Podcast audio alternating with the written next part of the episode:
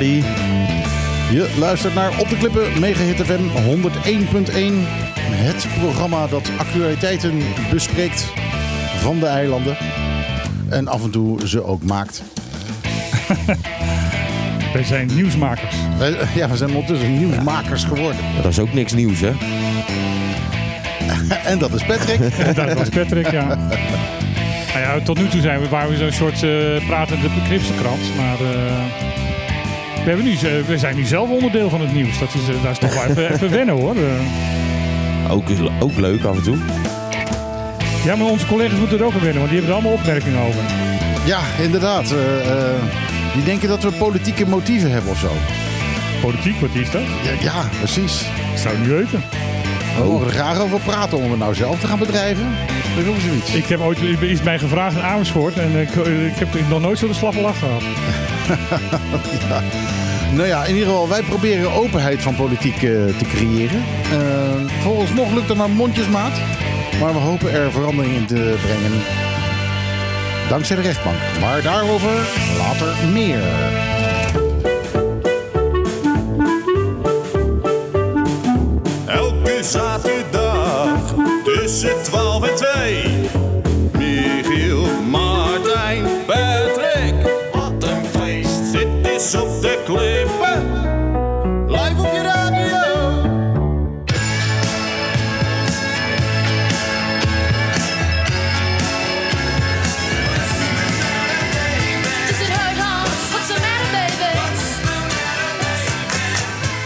De onvolprezen Ellen Foley. Ik denk dat ze de anderhalve meter niet eens haalt qua lengte. Maar wat een geluid komt eruit. Er komt er voor drie meter kort. geluid uit. Ja, en ze zingt nog steeds. Ze treedt nog steeds op. Eh, en eh, ja, ze heeft die stem gewoon nog steeds. Dat is ook eh, bizar. De meeste mensen kennen haar natuurlijk vooral van Paradise bij de Dashboard Light. Zij is de dame die terugzingt tegen Meatloaf. Ja, en eh, ja, te horen krijgt eh, dat hij er nog even over wil slapen. Eh, tot zover Ellen Foley, What's the Matter Baby. Prachtig nummer. Martijn. Jongens, ik heb goed nieuws. Ik heb maar twee COVID-puntjes. Oh, dan zijn we er snel doorheen. Dat doen we altijd eerst. Voor, het- voor, het eerst, voor het eerst sinds twee jaar of zo. Nou, we gaan, eh, we gaan champagne opentrekken op het moment dat we nul eh, punten Ja, hebben. ja, dat is, eh, dan, gaan we echt, dan gaan we echt van Ja. een fles champagne Als ik, het open. als ik het niet hoef te drinken. Want dat vind ik Een bottle of bubbles, 25 dollar only. niet te Nou ja, goed. Valt mee, toch? Wat een bocht. Maar goed, oké. in ieder geval iets wat prikt en wat, wat zoet is. Hmm, colaatje. Eh, kan ook. In ieder geval, we gaan er wat op drinken op het moment dat, eh, dat we nul punten hebben. De twee punten zijn ook niet erg, heel erg ernstig. Er gaan, ehm, de overheid gaat weer met boosterprikken weer ehm, de wijk in om te kijken, net zoals dat ze met de, de eerste en tweede prik hebben gedaan. Ehm, om zoveel mogelijk mensen ja, te overtuigen dat ze die boosterprik moeten nemen. Want het is toch echt heel erg duidelijk met de Omicron variant. Als je die boosterprik hebt, dan, eh, dan kan je nog wel degelijk ziek worden. Je kan er best ook nog wel flink ziek van worden. Maar het risico dat je zo ziek wordt dat je aan de ademhaling moet, de beademing moet en het ziekenhuis in moet, eh, is zo goed als nihil. Dus eh, het is wel belangrijk dat je die boosterprik gaat halen. En daar lopen we nogal behoorlijk in achter. Dus vandaar dat ze de, de wijk in gaan omdat het eigenlijk zo eh, ja, toch wel best wel heel erg goed gaat, eh, zijn ook de inreisverplichtingen eh, naar Bonaire toe zijn in ieder geval- voor het Caribisch gebied verlicht. Het is zo dat als je uit de Kas-eilanden komt, dat is dus Curaçao, Aruba en Sint Maarten, dan hoef je eigenlijk, als je één bent gevaccineerd, je bent volledig gevaccineerd en dat betekent nog dat je alleen maar twee prikken hoeft te hebben, geen drie prikken. Eh, dan heb je alleen maar een gezondheidsverklaring nodig. En als je niet, gevacci- o- niet of onvolledig gevaccineerd bent, dan heb je nog wel een, eh, een antigeentest of een, eh, 24, eh, of een 24 uur PCR-test nodig. Eh, 84, eh, eh, 48 uur, eh, sorry, neem me niet kwalijk. Dat wilden ze eigenlijk ehm, voor iedereen die vanuit de Sint-Eustatius of Saba zou komen, wilden ze dat ook al gaan invoeren. En dan nog dat iedereen, ook als je niet gevaccineerd was, alleen maar een gezondheidsverklaring. Daar zijn opeens wettelijke bepalingen dat, die dat nog even tegenhouden. Dat moet nog even geregeld worden. Dus daar geldt nog van dat als je ehm, uit ehm Sint-Eustatius of, of komt, dat je nog wel degelijk een, een PCR-test nodig hebt. En dat als je ehm, eh, niet gevaccineerd bent, dat je dat 48 uur van tevoren eh, moet, moet, eh, moet doen. En als, je dat, en als je wel gevaccineerd bent, dan volstaat een antigeentest 24 uur van tevoren. Hebben we die rechtstreekse vluchten sowieso nog wel naar de bovenwinden? Eh, nou nee, die gaan altijd wel via, de, die gaan altijd via Sint Maarten en dan dus Curaçao en dan eh, Bonaire. De rechtstreekse vluchten die hebben op dit moment niet. Oké, die zijn er niet meer. Maar goed, je blijft wel in het vliegtuig zitten dan. En, eh, en je, je geldt als doorgaande toerist. Dus dan gelden de regels van van het land waar je naartoe gaat. Nou ja. Heren, dit was het wat cor- corona betreft. Nou, dan mag dat applaus nog wel een keer van mij. Ja, Ja, nou, nog een keer, nou nog een keer de verlossing dat we er gewoon mee klaar zijn. houd Dat toch zou eens op. Het is net, eh, net kwart over twaalf geweest. eh, we zijn klaar met COVID. Er zijn tijden geweest dat we er een heel uur aan eh Dat we al één uur nog niet klaar waren. Dus eh, het gaat de goede kant uit. Het ziet er ook echt naar uit dat ehm, eh, het, eh, het labeltje pandemie er gewoon de komende tijd steeds meer af zal gaan. Dat het gewoon een, een ziekte is die, waar, we, waar we gewoon last van hebben. Ja. Wat, wat in ons leven ingepast zit. Maar dat de hele crisis eh, binnenkort wel af, af Ja. gaat worden. Dat het eindelijk dat griepje is waarvan de wappies de hele tijd roepen eh, dat het dat eh, is. nou ja, dat goed, het ik, dat nu geworden is. Dat is wat, wat de meeste van dit soort virussen inderdaad uiteindelijk wel gaan worden. Dan, dan wordt het inderdaad een, een, een- zeker dit soort eh, luchtweginfecties.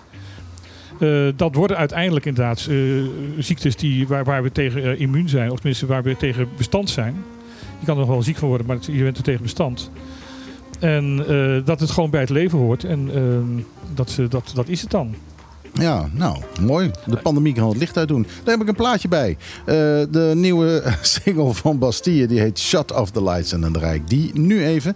En daarna hebben we een bijzondere gast, eh, Richard Duines hier. Ja. En die weet alles van asbest.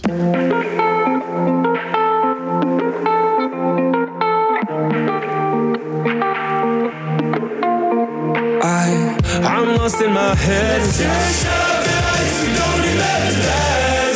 Bastille Shut Off the... Nee, shut, ja, Shut Off the Lights van Bastille. Eh, Dat, dat was het.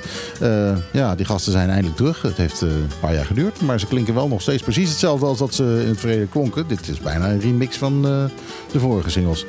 Ehm, goed, mocht je eh, onder een steen hebben eh, geleefd de afgelopen paar weken... eh, dan ehm, is je misschien ontgaan eh, dat wij als programma Op de Klippen... ehm, vragen hebben gesteld via een WOP-verzoek, een wet openbaarheid bestuur eh, verzoek... ehm, over asbest, eh, asbest op Sunset Beach slash wat nu Shogogo is slash wat Coco Beach was. Dat strand in elk geval. Eh, OLB heeft zijn tijd genomen. Eh, die hebben zes weken, ruim zes weken erover gedaan om daar antwoord op te geven. We moesten ze zelfs nog even aanmanen om te antwoorden. Toen hebben ze dat gedaan, eh, maar wel heel erg sumier. Alleen in het sumiere antwoord werd wel duidelijk dat asbest niet alleen een probleem is op dat strand, maar op eigenlijk het hele eiland. Nou, wij zijn daar een beetje in, ingepeten. we, hebben daar, we hebben daar onze tanden in gezet. En eh, we gaan nu naar de rechter om eh, meer te horen van de overheid. Ja, wij, wij horen van, van verschillende kanten dat. ehm, Daar ging, ik- daar ging ik naartoe. Dat we nu eh, in de afgelopen week van verschillende kanten wat informatie hebben gekregen. En eh, nou, nou, nou mag jij vertellen wat, eh, wat we hebben gehoord. Wij horen van verschillende kanten, dat is ook een van de redenen waarom wij dus naar de, naar de rechter gaan, dat er veel meer informatie is over, over asbest en wat er gebeurd is de afgelopen jaren, dan wat wij ontvangen kregen. En dat ook ehm, het rapport wat wij hebben gekregen een, een onderdeel van een veel groter rapport is. En eh, ze wilden ook niet vertellen eh, uit welk jaartal er is. Eh, nou ja, dat weten we ondertussen dat het uit 2017 is. En ehm, ja, omdat wij zo weinig informatie kregen, hadden wij ook zoiets van: wat houden ze achter en wat, wat, wat hebben ze te verbergen? En eh, dat maakt je gewoon zoiets van: van is de situatie nog veel erger dan, dan wat je denkt? Omdat je. Eh, ja, misschien eh, is dat een beetje raar dat ik dat denk, maar eh, op het moment dat mensen informatie achterhouden, is dat meestal een teken van dat er iets te verbergen valt. Ja, dat ze denken van nou, we willen niet dat jij weet eh, hoe de vork in de steel Ja. zit. Dus ja, dan ga je een beetje gissen. En we hebben heel veel lopen gissen. Ehm, ondertussen weten we dat sommige dingen die we gegist hebben eh, niet helemaal klopten. En eh, andere dingen misschien wel een beetje. Maar eh, daarvoor hebben wij nu een gast aan tafel. Ja, want we hebben namelijk gewoon een, op, op Bonaire een asbestspecialist. En die zit naast ons. Die heet eh, Richard Duin. Welkom. Richard. Ja, dankjewel. En ja, de eerste vraag eigenlijk aan jou is: eh, stel je eerst even voor, wie, wie, ben je en wat, wat, eh, wat, wat, is, wat zijn je activiteiten? Hoe ben je er Hoe word je asbestspecialist? Want je staat op een gegeven moment op een dag op en je denkt bij jezelf van: ah, ik weet wat ik in mijn leven ga doen. Ik ga asbestspecialist worden. Ik neem niet aan dat dat zo gaat. Nee, zo is het niet helemaal gegaan. Eh, nou, ik ben Richard Duin. Ik woon eh, 21 jaar op Bonaire. Ik ben ondernemer. Ik heb een bouwbedrijf. En ik, eh, ik ben mm, vier jaar geleden ben ik eh, in aanraking gekomen met asbest op een van mijn projecten. En daar ben ik stilgelegd. En ja, toen begon eigenlijk het, eh, het, het grote probleem. Hè? De, hoe kan ik verder? Nou, dat kreeg ik allemaal door. Ja, je moet een inventarisatie laten doen. Je moet een werkplan schrijven. Ik zei, maar ja, maar waar kan ik dan terecht? Niemand had een idee. Ze hadden je wel stilgelegd, maar ze wisten eigenlijk niet wat, waarom ze je hadden stilgelegd. Ja, vermoeden van asbest. En eh, er- is een regeltje eh, in, de, in de arbeidsomstandighedenwet. En dat gaat over gevaarlijke stoffen. En op basis daarvan kunnen ze je dan stilleggen. Nou, dan, da- daar vond ik toen heel veel van. Hè, want, eh, dus ik heb geprobeerd te kijken of ik onder die stoppen stillegging onderuit kon komen. Nou ja, dan kan je een advocaat aan, die kan een rechtbank aan, maar dat heeft helemaal geen zin. Want uiteindelijk gaat het om de arbeidsomstandigheden van de mensen die daarin werken. Nou, uiteindelijk zijn we tot een oplossing gekomen. En eh, toen ben ik tegen, tegen Anna aangelopen. Die woonde hier toen de tijd op... eh, Anne van der Linden. ja, die woonde toen de tijd eh, op, op Bonaire. En die werkte voor een bedrijf op Curaçao. En zij was DIA, deskundig inventariseerder asbest. Ik heb begrepen dat zij de hoogst gekwalificeerde eh, asbestspecialist eh, in- op dat moment eh, in het hele Caribisch gebied was. Ja, volgens mij ook. Want voor mij was er niemand anders meer te vinden. En eh, die heeft ons eigenlijk geholpen. En ons bedoel ik dan eigenlijk de, de, de, de arbeidsinspectie. En ik als aannemer. Om te kijken van hoe kunnen we dit nou oplossen.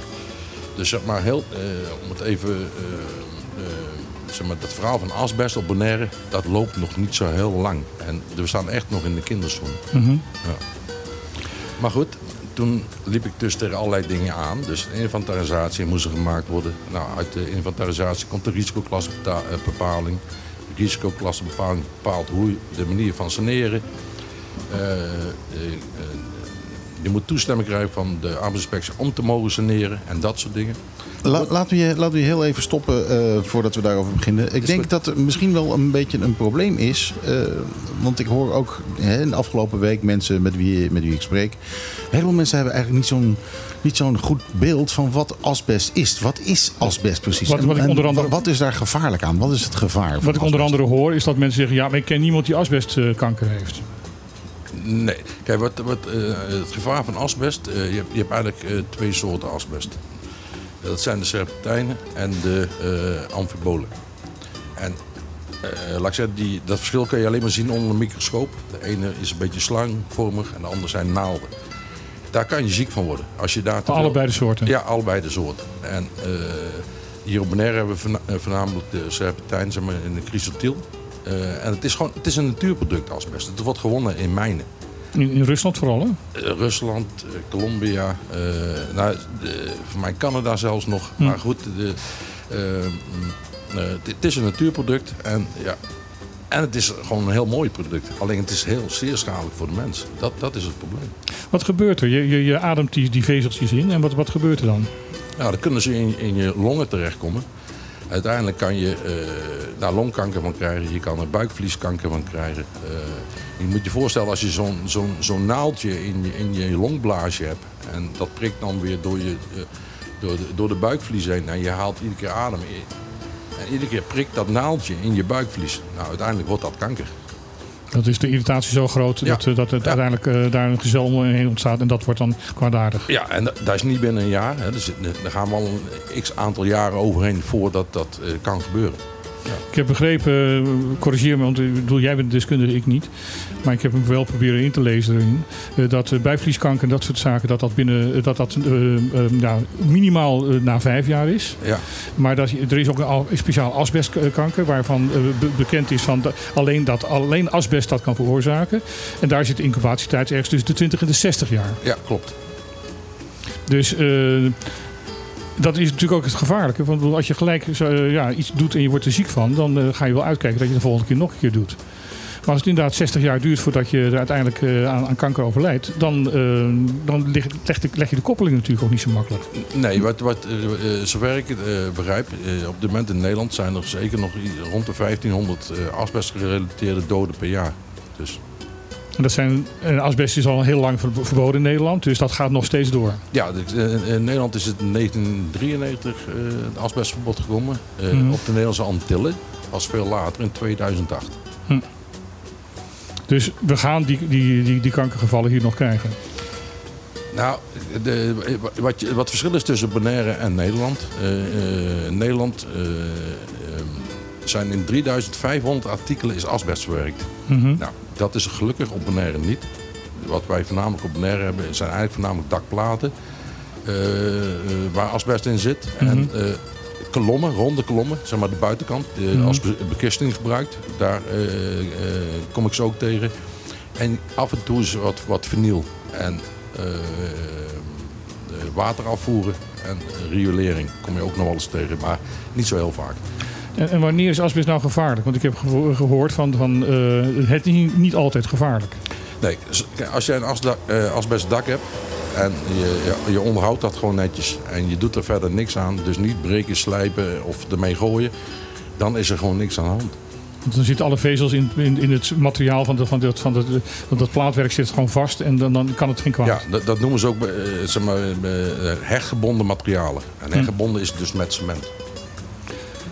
En het wordt gevaarlijk op het moment dat daar dus uitkomt, als er een stuk afbreken van... eh, Klopt. Op het moment dat je gaat breken, komen de vezels vrij. En, eh, laat ik zeggen, ik heb hier ook genoeg dingen gezien, hè, dat er gewoon eh, in gezagen wordt. Eh, maar ja, goed, alles valt en staat natuurlijk met een stukje bewustwording.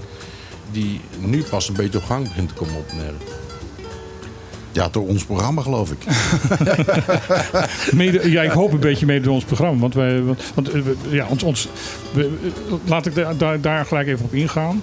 Eh, we zijn eh, afgelopen week zijn we op een, door een aantal mensen aangesproken. En soms best wel, best wel fel. Van wat zijn jullie mo- motieven om dit te doen? En uh, mee eens dat ik dat even zo... Ja, ja. Ehm, ja, onze, eh, we, zijn beschuldigd dat wij, ehm, tenminste er is, eh, er gesuggereerd, we zijn niet beschuldigd, we zijn, er is gesuggereerd dat wij het zouden doen omdat wij politieke motieven hebben, dat wij eventueel de politiek in willen en dat we op deze manier eh zondebokken willen vinden om in de verkiezingen, hé, hey, de verkiezingen zijn al begonnen,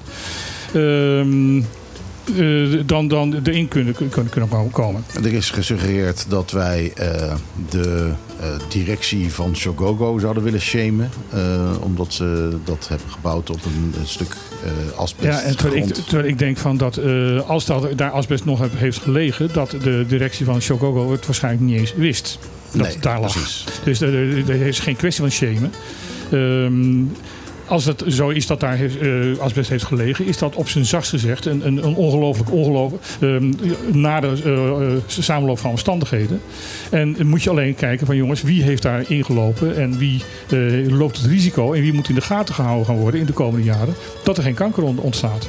Ja, nou ja, kijk, als je over 40 jaar kanker krijgt, dan denk je niet van, ach, natuurlijk, ik heb staan beachtennissen. Nee. Sunset Beach.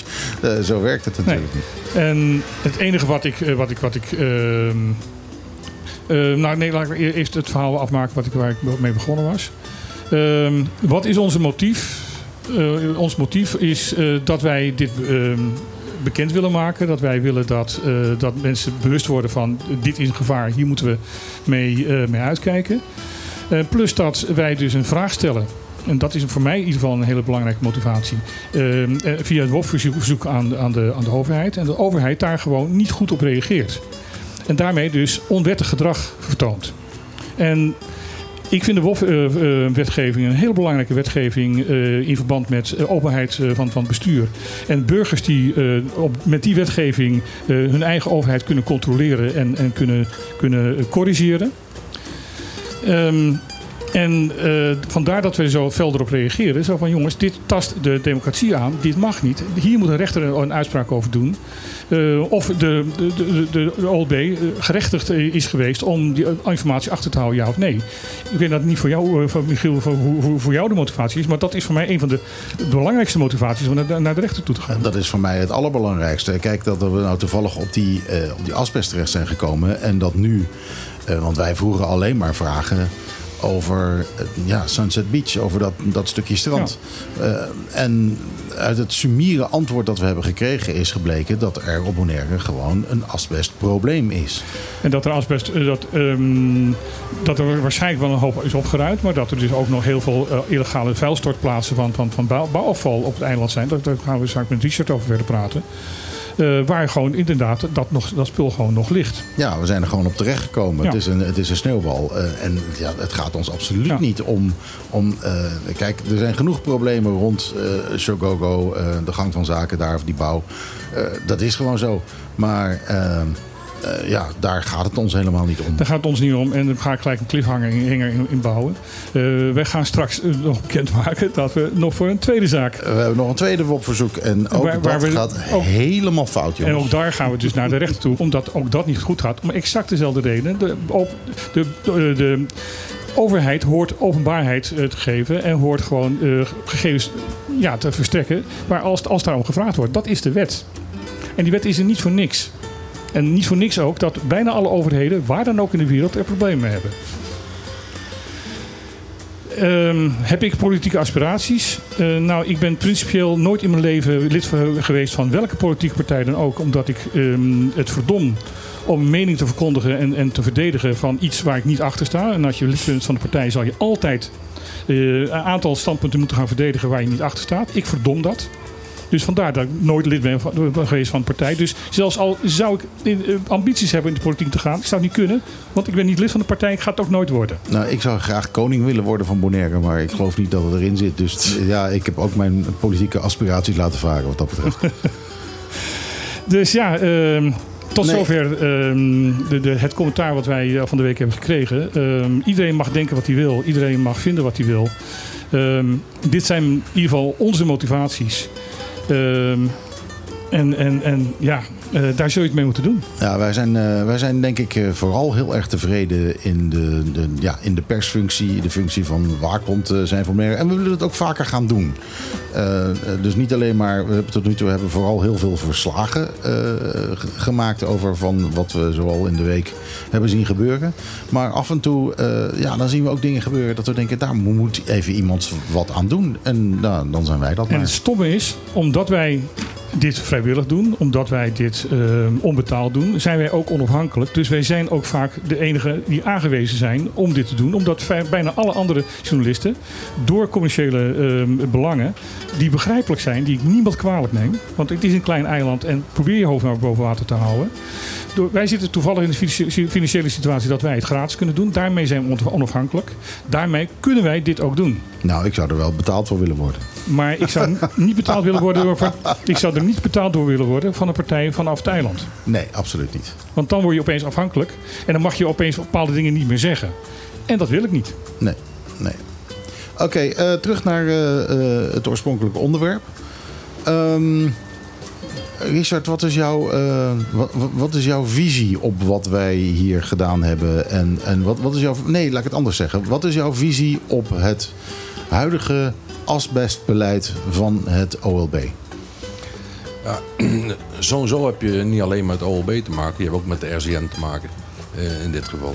Eh, zeg maar, de, de arbeidsinspectie SZB, eh, die moet toezien hè, dat eh, eh, dus niet illegaal eh, eh, gesloopt wordt en gesaneerd wordt. Ja, want, want in illegale sloop, dat betekent dus dat er mensen die geen verstand hebben van asbest eh, aan asbestplaten gaan lopen trekken, zagen, eh, breken, weet ik wat niet allemaal. En, de, en het afval op plekken gooit waar het, waar het gevaarlijk is. Ja, ik, ik, ik, ik, ik zal een klein beetje proberen uit te leggen hoe de normale gang van zaken is op het moment dus dat je zeg maar, aan een asbestsanering begint.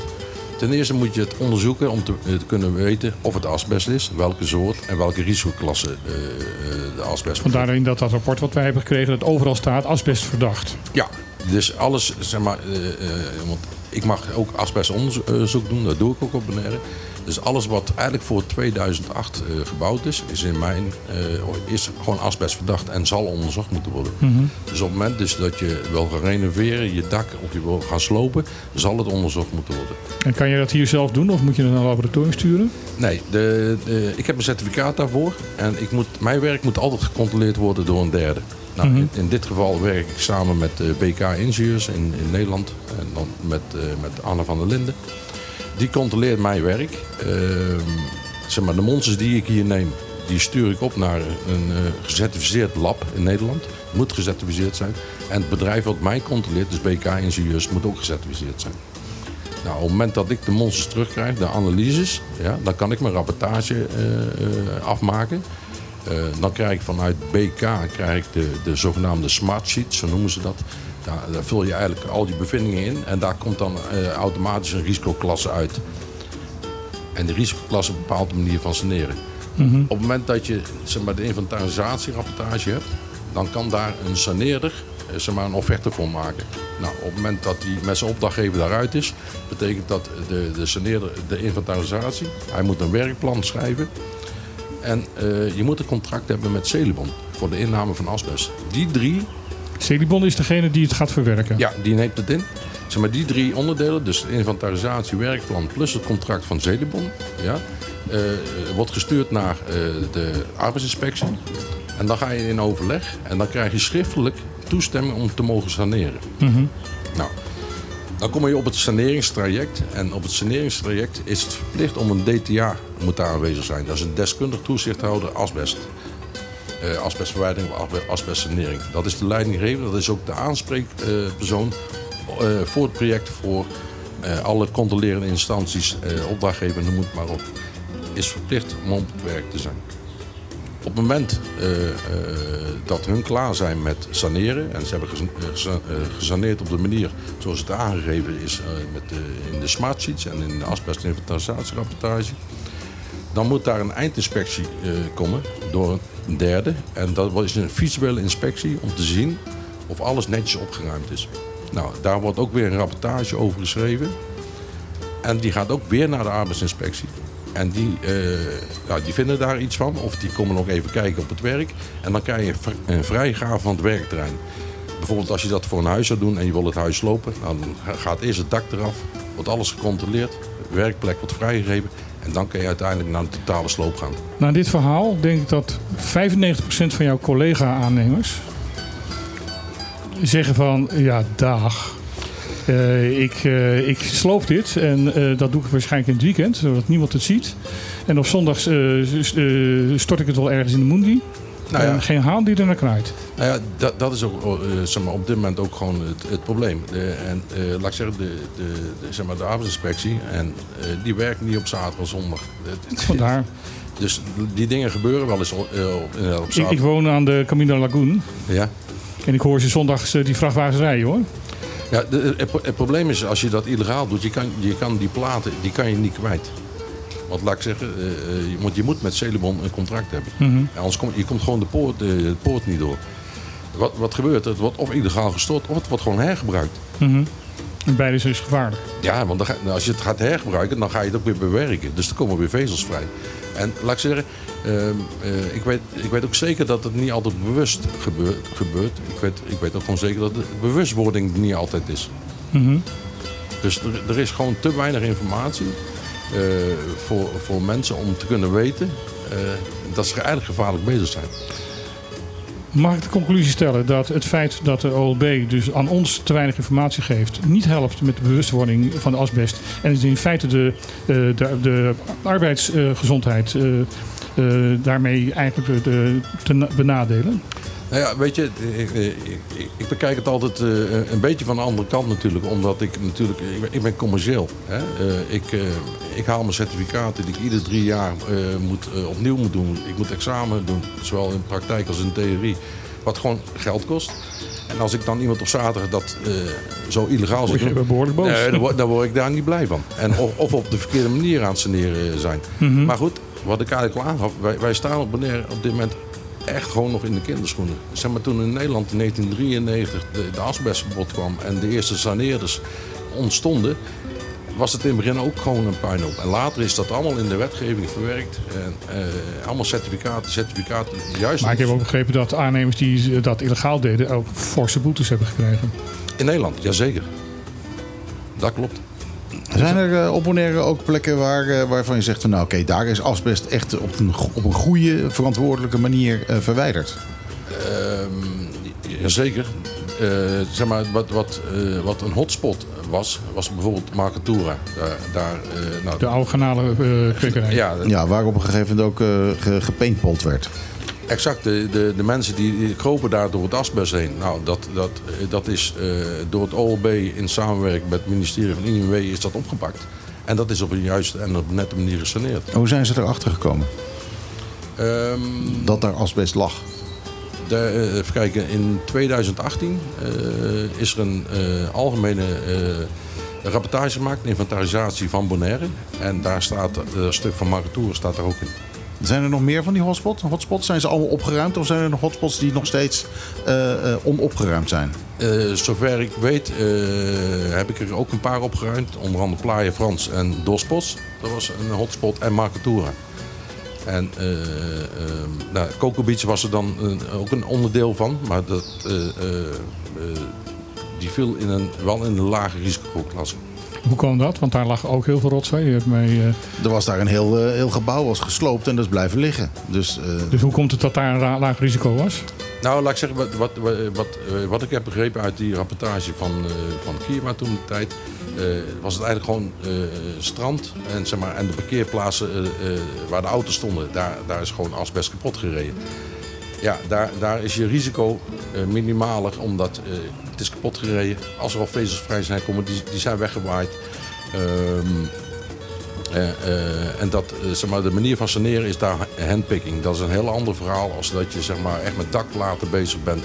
Want dan sta je echt met, met eh, volgelaatsmaskers. Je zat in overal. eh, nou, en je moet een, een eh, decontaminatie-unit moet je op je werk hebben en dat soort dingen. Ik heb begrepen dat één of twee vezeltjes in je longen al genoeg is om uiteindelijk die kanker te krijgen. Ja, ik ik ben geen dokter, maar ik, laat ik zeggen, het is natuurlijk nooit goed als je die vezels binnenkrijgt. ja, eh, het, li- ja, het lijkt mij een beetje linkerzooi. Ehm, ik denk dat het tijd is om even een muziekje te draaien. Ik heb hier de nieuwe Chainsmokers en die heet eh, High. Een mooie combinatie? Chainsmoker, High. Dat is het.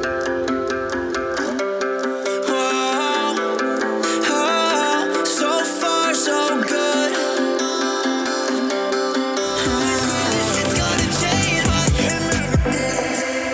De Chainsmokers, High. You only love... Nee, you only say you love me when you're high. Nou, dat is... eh, ja, Daar word je eh, blij van. ja, maar dan, dan menen ze tenminste. Ja, ja, ja. Of, of je moet gewoon zorgen dat die, eh, diegene altijd high is. Dan, eh, Ja, ja, dat is waarschijnlijk het idee erachter. Goed, eh, we gaan even verder. Ondertussen is ook aangeschoven Arjen de Wolf. onze, Goedemorgen, goedemiddag. ja, ik blijf hem zo noemen. Onze juridisch adviseur. Het is, eh, ik, ik voel me zeer vereerd, eh, Martijn. Meester De Wolf. Ja, ja. Ja, dat, ja, ik vind het altijd, dat vind ik ook al, als we het toch over high hebben en I love you, dat vind ik alleen maar lekker klinken in bed, eh, eerlijk gezegd. Verder, eh, Ah, je hoeft het van je een hoogslaper. nee, ik heb nog geen doctoraal. Misschien dat ik daar nog aan begin. ik heb wat meer tijd, want dan komt die hoogslaper. Ja. Booreiland noemden we dat eh, in onze studententijd. Jongens, Booreiland. Was het op het bed of in het bed of eronder? Nou, nee, het- Volgens mij moeten we nu eventjes het niveau van, de, van het programma enigszins gaan bewaken. Een hoogslaper werd een booreiland genoemd. Dat is, eh, Oh, de hoogslaper zelf. Ja, ja, ja. Ik dacht dat jij een booreiland werd genoemd. nee, nee. We zitten nog aan tafel met... eh, ja, ik ga er even dwars doorheen. Als, die, als die tweede gang laten gaan, dan, dan, dan, eh, dan, dan wordt het helemaal niks meer met dit programma. Ik snap dat je ingrijpt. Eh, ik ben de oudste ook hier, dus ik, mag, ik mag dat doen. Nou, ook maar twee maanden. Toch, denk ik. Laat je toch niet afleiden, joh. Ga gewoon lekker door. Ik zit nu eventjes eh, stom verbaasd eh, die, die gast tegenover mij eh, aan te kijken. Eh, Richard Duin zit nog steeds aan tafel. De, de, de inheemse eh, eh, asbestspecialist. Zijn er nog meer mensen op het eiland die, die de- dezelfde ehm, kwalificaties hebben als jij? Nee, tenminste niet dat ik weet. Ja, dat, is, dat is een logisch antwoord. Ja. Ehm, Je hebt het eh, hele verhaal van wat wij ehm, naar boven hebben gebracht, heb jij gevolgd. Eh, wat is jouw inschatting? Ligt daar nou um, lag er schadelijke asbest toen Chococo werd, werd gebouwd? Of denk jij dat dat wel meevalt? Heel eerlijk. En ik denk, mijn opinie is dat het wel meeviel. Nou, dat is alleen maar, alleen maar fijn, want Ja. dan hebben de mensen die daar gewerkt hebben Ja. niet geen groot gevaar gelopen. Nee, kijk, het is nooit onderzocht. Dus ja, Mhm. Maar zeg maar, als ik, zoals ik er tegenaan kijk, dan denk ik van nou, de, de, de, valt het wel mee. Dat is, dat is goed. Dan, wat blijft staan voor mij is van, van ja, de, de overheid moet met, met, eh, met, met informatie komen. Dus dat, die, die rechtszaak zal er niet door, eh, door afgezegd worden, want ze moeten gewoon met die informatie komen. Eh, wat ik ook dus niet snap, eventjes tussendoor, is van als eh, de informatie die ze hebben eh, eigenlijk ontlastend voor ze is, dat het allemaal wel meevalt, dan begrijp ik toch veel minder waarom wij dat niet hebben gekregen. Nou, ja, kijk, dat- is een beetje wat ik net al aangaf. eh, heel dat asbest gebeuren. En zo zijn er wel meer dingen qua veiligheid en arbeidsomstandigheden die echt gewoon in de kinderschoenen staan. Er is nou, gewoon, heel, gewoon te weinig kennis over asbest op het eiland. Dat, dat is voor mij toen de tijd de reden geweest om juist mijn papieren te halen. Zou het zinvol zijn om workshops voor ondernemers en, en, en, en bouwers en zo eh, te gaan, gaan eh, organiseren, zodat die kennis gewoon vergroot wordt? Nou, achter de wacht wordt daar aan gewerkt. Ik ga eh, eh, binnenkort ook eh, eh, de inspecteurs. eh, eh, eh, ik heb een cursus in elkaar gezet in samenwerking met een, eh, een bureau uit Nederland. En de bedoeling is om daar zeg maar, eh, de mensen die met asbest te maken hebben, dus eh, de, de, arbeid- de inspecteurs van de arbeidsinspectie, maar ook zeg maar, van de directie toezicht en handhaving. En eh, de mensen van Zelebon om die in ieder geval een cursus aan te bieden zodat daar ook de bewustwording eh, eh, gewoon groot wordt. En de- dat ze ook weten waar je naar moet kijken. Ja, en dat bij die 95% van je collega's waar ik net over had, die zoiets hebben van jongens, eh, gedoe, dat gaan we niet doen. Ook de bewustwording komt van, ja, het is misschien wel gedoe, Ja. maar het heeft een reden eh, dat het zo ingewikkeld is. Ehm, sorry, eh, nog een keer de vraag. Nou, ehm, ik denk dat veel van jouw collega's, ik zal ze iets anders stellen, ehm, eh, het, het een gedoe vinden, omdat ze niet snappen waarom het dus nodig is. Exact, maar laat ik zeggen, zo is het mij ook overkomen op een project. Ik zeg al, ik, ben, ik werd stilgelegd. En ik, had, ik, had zelf, ik, ik wist wel iets van asbest, Mhm. maar, ja, maar ik wist ook niet wat, wat ik ermee moest. Nou, en later snapte ik het wel, toen je die opleiding ging volgen, toen denk ik, ja, dat is toch wel belangrijk. En is het overdreven, al die regels en al die controles en al die an- andere zaken? Ja, wij hebben bijvoorbeeld een, een, een ondernemer gesproken die het eigenlijk gewoon, eh, ook in Nederland wat er gebeurde, die echt alleen maar een, een hype noemde. Die vond het allemaal maar een beetje over, overtrokken. Eigenlijk een soort van asbestwappie. Ja, nou ja, de- de- de- kijk, Als hij maar een mondkapje draagt. Ja, weet je, weet je, één ding weet je zeker, asbest is niet goed voor je. Dus ja, dan kan je er van alles van vinden. En je kan zeg maar van, weet je, jongens, laat het lekker los en doe je best. Hè? Eh, maar ik denk dat dat niet de manier is. Nou ja, wat, wat, ik, wat ik inderdaad net al zei, van, eh, het grote probleem van asbest is van dat je pas jaren, jaren, Ja, jaren later Ja. eh, pas die ziekte gaat krijgen. Ja, klopt. Waardoor de, de koppeling en het gevaar en ook de mogelijkheid hebt om te zeggen van, ja jongens, het valt allemaal wel mee. Totdat je inderdaad ziek wordt. Ja. Maar goed, in, in Nederland wordt, wordt wel alles geregistreerd. En je moet alles bijhouden eh, voor zoveel jaar. Mhm. Voordat je, eh, want iemand kan na 20 jaar nog ziek worden. En dan kan je, moet je wel terug kunnen gaan van wa- waar was ik 20 jaar geleden. Waar stapt de Rijksoverheid hierin? Want we hebben het nu hier de hele tijd over de OLB dat hij niet voldoende informatie geeft. Dat hij, maar dit is ook een verantwoordelijkheid van de, van de Rijksoverheid. Ja, absoluut. Eh, de- de- laat ik zeggen, ik, ik denk dat de verantwoordelijkheid is voor, voor alles en iedereen die er gewoon mee te maken heeft. Kijk, als er een, eh, zeg maar, bijvoorbeeld een, eh, iemand vraagt een vergunning aan om eh, te slopen of te renoveren, dan moet er bij de vergunningverlener moet er een lampje gaan branden. Zo van, hé, wat voor dak is het? Is het asbest? Dus dan moet dat gecontroleerd worden. En laat ik zeggen, en achter de wacht wordt daar op dit moment echt hard aan gewerkt om te zorgen dat die dingen ook gaan gebeuren. Maar ja, zolang dat nog niet geregeld is, ja, blijf je nog steeds een stukje illegaliteit houden. En de bewustwording wordt daar ook niet beter van. Ja, en en de, de, de verantwoordelijkheden zijn natuurlijk gewoon eh, gedeeld. Ik bedoel, de vergunning wordt gegeven door het OLB, maar de arbeidsinspectie zit bij, de- bij de Rijksdienst. Ja, klopt. Dus de, de- dat, dat moet ook, ook weer met elkaar gaan samenwerken. Absoluut. Zeg maar, je, je, hebt, je hebt eigenlijk zeg maar, de, de arbeidsinspectie die controleert dus de arbeidsveiligheid onder andere. Hè, dus de welzijn van de mensen op de, op de bouwplaatsen. Eh, nou, je hebt je OLB met toezicht, toezicht en handhaving, de, de, de vergunningen. En je hebt natuurlijk Cedebond voor de inname van asbest. Nou, die drie, die werken wel samen, maar dat moet nog gewoon veel beter gestructureerd worden. Kan asbest op dit moment hier verwerkt worden? Eh, het wordt niet verwerkt, want je kan, je kan asbest ook niet vernietigen. Maar wat moet er dan mee gebeuren? Ja, het moet opgeslagen worden. En eh, in Nederland wordt het bijvoorbeeld eh, wordt het ingegraven. En dan wordt er een dikke laag grond overheen gezet. Het wordt netjes ingemeten, geregistreerd. Nooit meer opbouwen. Nou, dat is nogal wat. Ik bedoel, dan, dan zit je met bijna dezelfde problemen als met eh, radioactief afval. Nou, nou ja, je kan er gewoon niet meer op bouwen. Ja. Maar, maar weet je, alles valt er staat gewoon met registratie. Dus op het moment dat er iets ge- eh, gesaneerd is, moet het ook weer... Dichter bij geval. Eh, als er iets gesaneerd wordt, moet het ook geregistreerd worden. Ehm, eh, dus ja, daar zijn ze op dit moment gewoon volop mee bezig om dat gewoon allemaal weer in kaart te brengen. Mhm. En te kijken hoe, je, hoe we dat kunnen stroomlijnen. Want dat is natuurlijk wel een probleem hier. Ehm, eh, de landfill zit al vol. Eh, we hebben zitten vol met illegale eh, stort, waar je dus in feite ook al heel, waarschijnlijk heel veel asbest hebt, hebt liggen. Dat, ja, dat, zou zomaar kunnen, ja. En dat moet dus allemaal eh, geselecteerd gaan worden en, en eh, uitgezocht en geschikt gaan worden. En dat, Dat moet moet dus ergens begraven gaan worden waar nooit meer op gebouwd mag worden. Het moet geïnventariseerd worden. Het moet gevonden worden zo in, in eerste instantie. Als we dat nou allemaal in Bolivia begraven. dan kunnen ze daar in ieder geval nooit meer gaan bouwen. Ja, ja, nou ja, dat is, eh, daar zal meneer eh, Breemhaar blij mee zijn. Ja, die, die zal, ik denk dat hij zich graag, eh, graag eh, kandidaat stelt om dat allemaal eh, in te nemen. Om daar een groot gat te graven en dat allemaal in te gooien. Eh, dat is wel leuk, want dan kun je dan over eh, nou, 100 jaar kun je weer gaan asbest gaan minen daar zo. Dat is zo grappig, want het, het, het is, het is dus eerst via mijnbouw is het naar boven gehaald. Ja. Dan is het een tijdje gebruikt en dan gaan we het nu weer begraven onder de grond. In de hoop dat de eh, toekomstige generaties er iets mee kunnen. Dat is de circulaire economie, hè, is dat? Maar wel heel, eh, hele lange cirkels. Ja, het is wat. ja, het is, het is, het is, het is, Allemaal. het is iets wat, wat eh, geen makkelijk probleem. Nee, nee. nee. Ik- En ik hoor, ik hoor er allerlei nieuwe dingen over. Dat, dat, het dus niet, hè, dat je het niet kunt verwerven. Of dat je, dat je er eigenlijk niet vanaf kan. Eh, dat, dat, maakt het probleem, eh, dat maakt het probleem inderdaad wel wat aanzienlijker. Dan hebben we genoeg ruimte op het eiland voor Nou ja, daarom werd het ook als brandweerend materiaal gebruikt. Onder andere. Ja. Nou ja, Ja. asbest, asbestos betekent onverwoestbaar.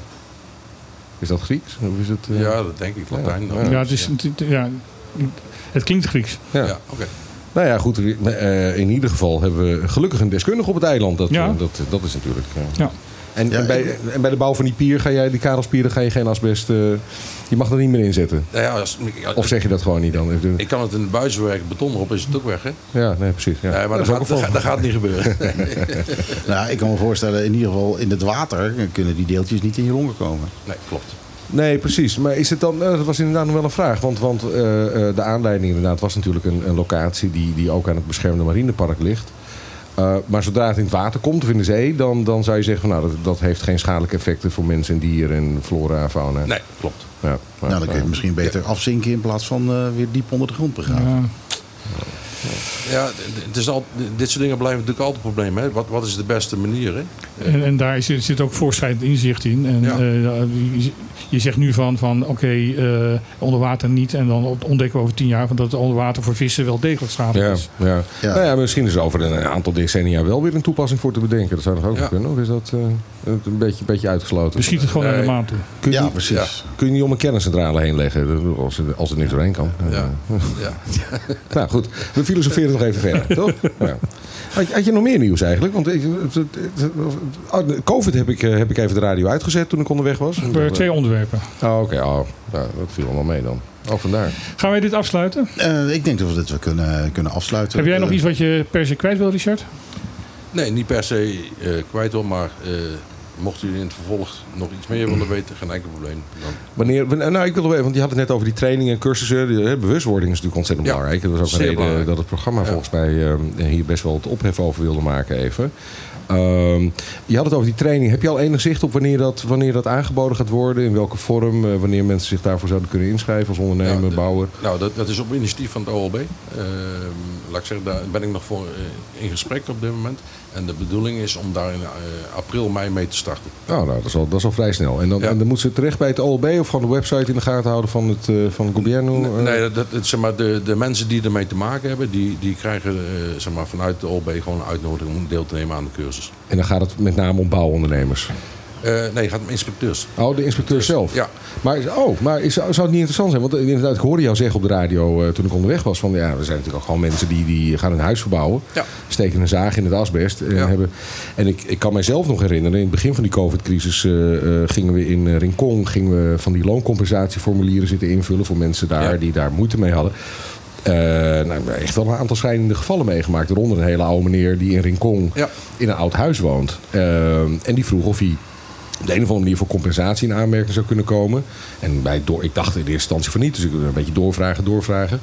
Eh, die man was tuinman, die ging, die ging hier en daar ging hij, eh, eh, tuinen eh, bijhouden hè, met een chapi en zorgen dat het onkruid eruit was. En daar verdiende hij zijn geld mee. Maar dat kwam in de coronatijd stil te liggen. Mensen hielden, in, weten jullie nog, in het begin Ja. ontzettend de hand op de knip. Ja. Dus die man die had geen geld meer. Die woonde in een huis, woont volgens mij nog steeds, tot op de dag van vandaag in een huis, met een, met een deels ingestort dak boven zijn woonkamer. Met asbest erin. Met asbest, vertelde hij. Dus nou, toen heb ik, volgens mij is het niet gelukt, die aanvraag, maar toen heb ik een aanvraag gestuurd naar SZW van, ja jongens, ja, asbest, gebroken dak, het is misschien niet een direct eh, gevolg van corona, maar de man is door corona wel zijn inkomen kwijt. Dus eh bijzondere bijstand, misschien kunnen we hier wat mee. Maar er zijn dus heel veel van dat soort, of meer misschien wel, van dat soort gevallen dan we, dan we, dan we denken. Nou, dat, dat, dat weet ik haast wel zeker. Kijk, Ja. en, en wat dat betreft zou, zou daar, eh, dus de Rijksoverheid in samenspraak met de OLB, zou daar gewoon een subsidiepot voor moeten kunnen komen. Ja. Kijk, wat, wat, wat, ik net ook al aangaf, zeg maar, eh, er zijn sommige eh, eh, eigenaren van huizen die zeg maar, de sanering makkelijk kun- kunnen betalen, maar dat niet willen betalen omdat het te duur is. Ja. Nou ja, waarom is asbest saneren duur? Omdat je allerlei certificaten moet halen. En voor mij is het geen dagelijks werk. Het is een ding bij mijn bedrijf. Ja. Dus de kosten die, die ik maak om zeg maar, alles up-to-date te houden... en dat geldt voor, voor mijn certificaat, maar ook de, de equipment waar je mee werkt... Ja. En je cursus en je lesmaterialen, je, je vakliteratuur. Ja, maar ook- een certificaat die je eens in drie jaar moet halen. Ja, ja, klopt. En, maar Ja, ook ja. zeg maar, de, waar de jongens mee werken, zeg maar, vol glaasmassa Ja. met een aanblaasunit, met de juiste eh, eh, filters. Daar mag je maar een jaar mee werken. En dan moet ik een nieuwe kopen. Ja. Ja, dus dat zijn hoge kosten. En er, en er zitten veel stappen in, begrijp ik. Moeten- exact. Ja, ja. Maar, maar er mist dus ook, als ik het goed begrepen heb, een stukje regelgeving. Wat, wat, wat er in Nederland wel op zijn plek is, hebben we hier nog niet. Nee. Nee, dat, dat, wisten we toch. Hè? De Ja. asbest eh, wordt in Nederland, de sanering althans, is volgens mij wel gesubsidieerd. Maar dat, dat, of Ja, maar er, moet, er moeten wel een aantal eh, dingen gere- geregeld worden. Er moeten een aantal regels, een aantal. eh, ehm, eh, geen wet, wet want die, die kunnen we hier niet veranderen, maar wel maatregelen. ja. Die moeten veranderd worden. Wil het gesaneerd kunnen worden hier? Ja. maar goed, de les, de les op korte termijn voor mensen die, eh, die weten dat ze asbest in hun dak hebben, is dus van eh, je moet in ieder geval er niet in gaan hakken en zagen. Blijf er vanaf. Blijven vanaf. Nou ja, Ja. de- de- de- de- het belangrijkste is van je moet het onderzoeken. Je moet weten of het wel of geen asbest is. Nou, als het geen asbest is, ja, dan kan je gewoon op een normale manier eh, werken. Op, Ja. op het moment dat het wel asbest is, moet je veiligheidsmaatregelen nemen voor de mensen, maar ook de omgeving. Ja. Met andere woorden, als je het platen ziet van voor eh, 2008, 2008 want eh, de- to- to- to- die tijd mocht het hier verkocht worden. Ja, klopt. Eh, dan betekent nog niet dat het asbest is, maar het kan wel. Het kan wel. Ja, Haal er een specialist bij. Want anders ben je misschien jezelf aan het vergiftigen. Richard Duin, hartstikke bedankt dat je er was. Dat Graag gedaan. was, Graag tot de eh, volgende keer. Ja, ons eh, dit allemaal te vertellen. En eh, dan beëindigen we dit, of eigenlijk gaan we door met de nieuwe single van George Ezra. Die heet Anyone For You.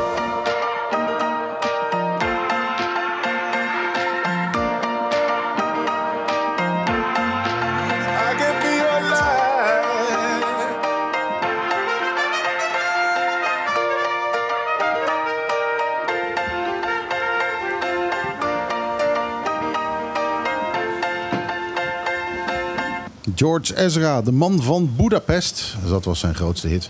Eh, met zijn nieuwe single, eh, Anyone For You. Staat in de Nederlandse top 40. En daarmee ben ik voor vandaag ook weer door alle nieuwe plaatjes uit de top Waren 40. er niet meer heen. eh, nieuwe platen? Nee, er waren er maar drie. Oké. Dus ja, vanaf hier kan ik gewoon leuke, leuke oude muziek Ga je draaien. gewoon weer je eigen goede muziek draaien. kan ik weer hartstikke proberen goed. platen te draaien die bij het onderwerp horen. Ik had natuurlijk net onze grote asbest-hit kunnen draaien. Maar ja, die staat al online. Die is al meer dan duizend keer be- beluisterd. Dus ik denk dat iedereen... eh, Ik wou net zeggen, al een half procent van de bevolking eh, van Bonaire theoretisch heeft hem, eh, heeft hem gehoord. Dus dat is mooi. Een half procent? Duizend man? Nou, er zijn, er zijn zat mensen in Nederland die geen half procent van de bevolking houden. 5 procent, 5 procent, sorry. 5%. Ja, ik, ben, ik ben niet goed in rekenen. 5 procent, ja. Dat is toch mooi? Ja, hartstikke goed. Zeker. Ja. Dat, is, eh, Hartstikke dat is een goed. hit hoor. Ik wou net zeggen. Nou, Vijf- eh, als je in Nederland 5% hebt, dan heb je het. duizend, duizend stemmen is een zetel op Bonaire. Dus ik zou, als het toch over politiek gaat... nog even vol. Nou ja, je weet het. Oh, maar- je hebt dus wel politieke ambities. Eh binder dan dat. Het is eh, voor geen enkele politieke partij verstandig als je mij weer in de politiek doet. Dus nee hoor. Maar, Nou, hebben we dat misverstand ook gelijk uit de wereld. Goed, tot zover over asbest. Eh, gaan we het meteen nog even hebben over onze andere WOP-verzoek? Of eh, zullen Ja. we eerst even wat echt nieuws doen? Ehm, ja, zeg het maar. Ja, eh, Zullen we het ander, over een ander, iets anders hebben? Waar, ja, waar, joh, wat, niet, wat, wat, niet de monomaan, even iets anders. wat, we, wat we zelf, eh, wat er nog niet in de kranten staat? ook- ik, ik kwam vanochtend tot ontdekking. wat jou opviel, ja. Wat mij opviel, is dat het is zeer opvallend dat opeens de complete ehm, top van de BIA, Bonaire International Airport, vervangen gaat worden. Want er staat eh, in Bonaire.nu staat er een advertentie voor een CEO, een CFO, een eh, commercieel manager en een management assi- assistent. Ja, het lijkt erop dat alleen de schoonmaker blijft. Zo ongeveer wel. Dus eh, wat is daar in hemelsnaam aan de hand? Ja, eh, Maar die waren, toch ook, die waren toch ook met z'n drieën gekomen? Of tenminste eerst dan eh, de, de, de algemeen directeur. En daarna kwamen toch nog die twee andere jongens over van, eh, van eh, Vliegveld Groningen. Die kwamen toch allemaal uit dezelfde... Uit dezelfde... Ja, ja dat, dat, dat, dat is, is, is zo. Misschien gaan ze weer eh, een eigen vliegveldje beginnen met z'n- met z'n met z'n vieren of zo. Dat kan natuurlijk ook. ja, en, Ja. Maar, maar goed, wie moet er daar komen? Dat zijn, eh, meestal zijn dat bestuurders toch wel. Ik, Ja. heb, ik heb de naam Arjen de Wolf al gehoord. Nou, dat wordt een korte, een korte, korte carrière stap. Nee joh, daar zoeken ze natuurlijk wel altijd mensen voor... die een beetje verstand hebben van, eh, van luchthavenbeheer. Mag, ik- mag ik Dat mag ik hopen. Dat mag ik Ja, hopen. Nou, hoe moeilijk kan het zijn? Eh, Heel, ja, heel- heel. eh, ja, ik denk- Eh, en nog, ja, tuurlijk. Maar eh, ja, ik vind het ook niet zo denderend beheerd bij ons. Laten we wel zijn. nou ja, laten we eerlijk zijn dat we ondanks de, de, de- de corona eh, bleven, ble- bleef BIA de afgelopen jaren toch behoorlijk voor het eerst in het bestaan eh, in, de, in de zwarte cijfers zitten. Dus dat vind ik niet echt, eh, echt, Ja. echt slecht. Nou ja, het was de eerste plek die betaald parkeren heeft eh, gebracht naar Bonaire. Eh, Mhm. de, waarvoor dank. Eh, het was ook de plek die eh, al die parkeerplek die we hadden gratis heeft verkocht aan, eh, aan Daboussi. Die daar een heel, heel groot eh, uitzicht verpestend eh, gebouw heeft neergezet. Wat eigenlijk te hoog is. Waar nu ook met hele grote letters eh, zijn naam op heeft. Is het te hoog? Het was eigenlijk, had het, ja, ze hebben, als ik het goed heb begrepen hoor. Ik bedoel, ehm, ik, ik begeef me nu even enigszins op glad ijs. Is het weer een blunder van handhaving? Nou, ze hebben het gegeven stilgelegd omdat dat het te hoog werd. En omdat ook, maar dat was inderdaad voornamelijk de reden waarom het stil hebben gelegd, er kraan omheen stonden die gewoon gevaarlijk waren voor de, voor de luchtvaart. Dus eh, ze hebben dat eh, een tijd lang stil. Die, moesten, die kranen moesten plat, moesten, moesten, moesten eh, afgebroken worden. Oh, daarom duurde het zo lang. En toen hebben ze dat met, met andere manieren hebben ze dat opgelost. Want als een vlieg, vliegtuig uit de, uit de koers raakt, die moet opeens weer optrekken. Daarom is ook dus de, de, de verkeerstoren, die zo heel vlakbij de, bij het, is op een plek veel verder weggezet. Om dezelfde reden, omdat die ook hoog is. En ook bij, bij ja, calamiteiten eventueel geraakt zou kun- kunnen worden. Wauw, dat wist ik allemaal niet. En dat moet zo'n bestuur allemaal bijhouden. Dat moet zo'n bestuur allemaal bijhouden. Dat is de reden waarom de, de oorspronkelijke verkeerstoren opeens zo snel daar weg moest. Ja, ja. Nou ja, en Bier heeft natuurlijk ook een nieuwe raad van commissarissen volgens mij. Hè? Eh, Ja, dus- dus- is- Ja, daar is jouw naam ook genoemd. En daar, zit- en daar zit ik dus Dat- ook aan dat te denken van. Daar zit ik dus ook aan te denken van, van is daar een conf- conflict ontstaan tussen het management en, en, en, en het nieuwe bestuur? Nou ja, het hoeft niet eens een conflict te zijn. Het kan ook best zijn dat, dat, dat er gewoon over de, eh, de lange termijn strategie geen overeenstemming is tussen directie en, eh, en raad van commissarissen. Dat zou ook nog kunnen. Of misschien hebben ze gewoon bedacht van nou, we hebben een opdrachtovereenkomst. eh, die loopt op een bepaald moment af als er, eh, als er een nieuw toezichthoudend orgaan is. En dan gaan wij weer weg. Die mannen zijn ook allemaal niet twintig meer. Dus ja, I don't know. Ik, ik heb geen idee. Ik heb het niet zo gevolgd. Het kan dus zijn dat er wat aan de hand is. Het kan ook zijn dat er helemaal niks aan de hand Nee, ja, ik, ik weet het niet. Zoals gebruikelijke Bonaire, gebrek aan informatie. is. Precies, we weten niet. eh, geen, geen openheid, geen transparantie eh, en dergelijke. Het is wel jammer dat we, dat we hier nu net, net over begonnen zijn. Want ik heb gewoon een perfect plaatje wat, er, eh, wat erbij hoort. Maar, is er, weten we dat dan zeker? Is er geen persbericht uitgedaan door BIA Nee, of zo? nee, nee, helemaal niks. Nee. Eh, wat ik opvallend vind is wel dat eerst dus eh, alleen een, een, advertentie kwam voor de CEO van, van, van Jo- Jos Hille. In plaats da- daarvan. En dat er dus nu opeens eh, deze week eh, de drie anderen er- erbij kwamen. Eh, het kan zijn van dat ze hebben gezegd van ja, Jos, als jij weggaat, gaan wij ook weg. Dat zou kunnen. Het kan ook zijn van dat ze het hebben gespreid om ja, on- onrust te, te voorkomen. Ik, ik weet het niet. Maar er is nergens een persbericht. Ik, tenminste, ik heb geen persbericht gezien. Dat zegt niet alles, want ik krijg niet alle persberichten.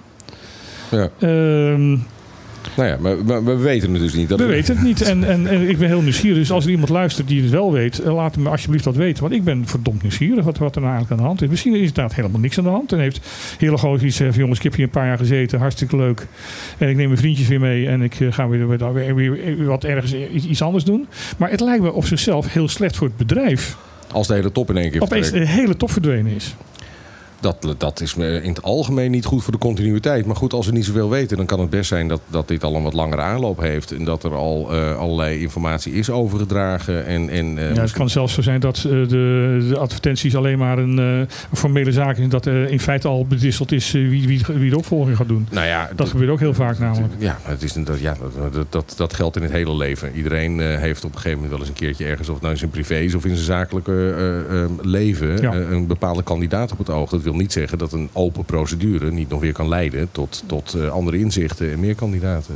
Ja. Maar, maar we weten het gewoon niet dus, kennelijk. Nou, welkom bij Op de Klippen, het programma waar we je vertellen we wat we niks allemaal niet weten.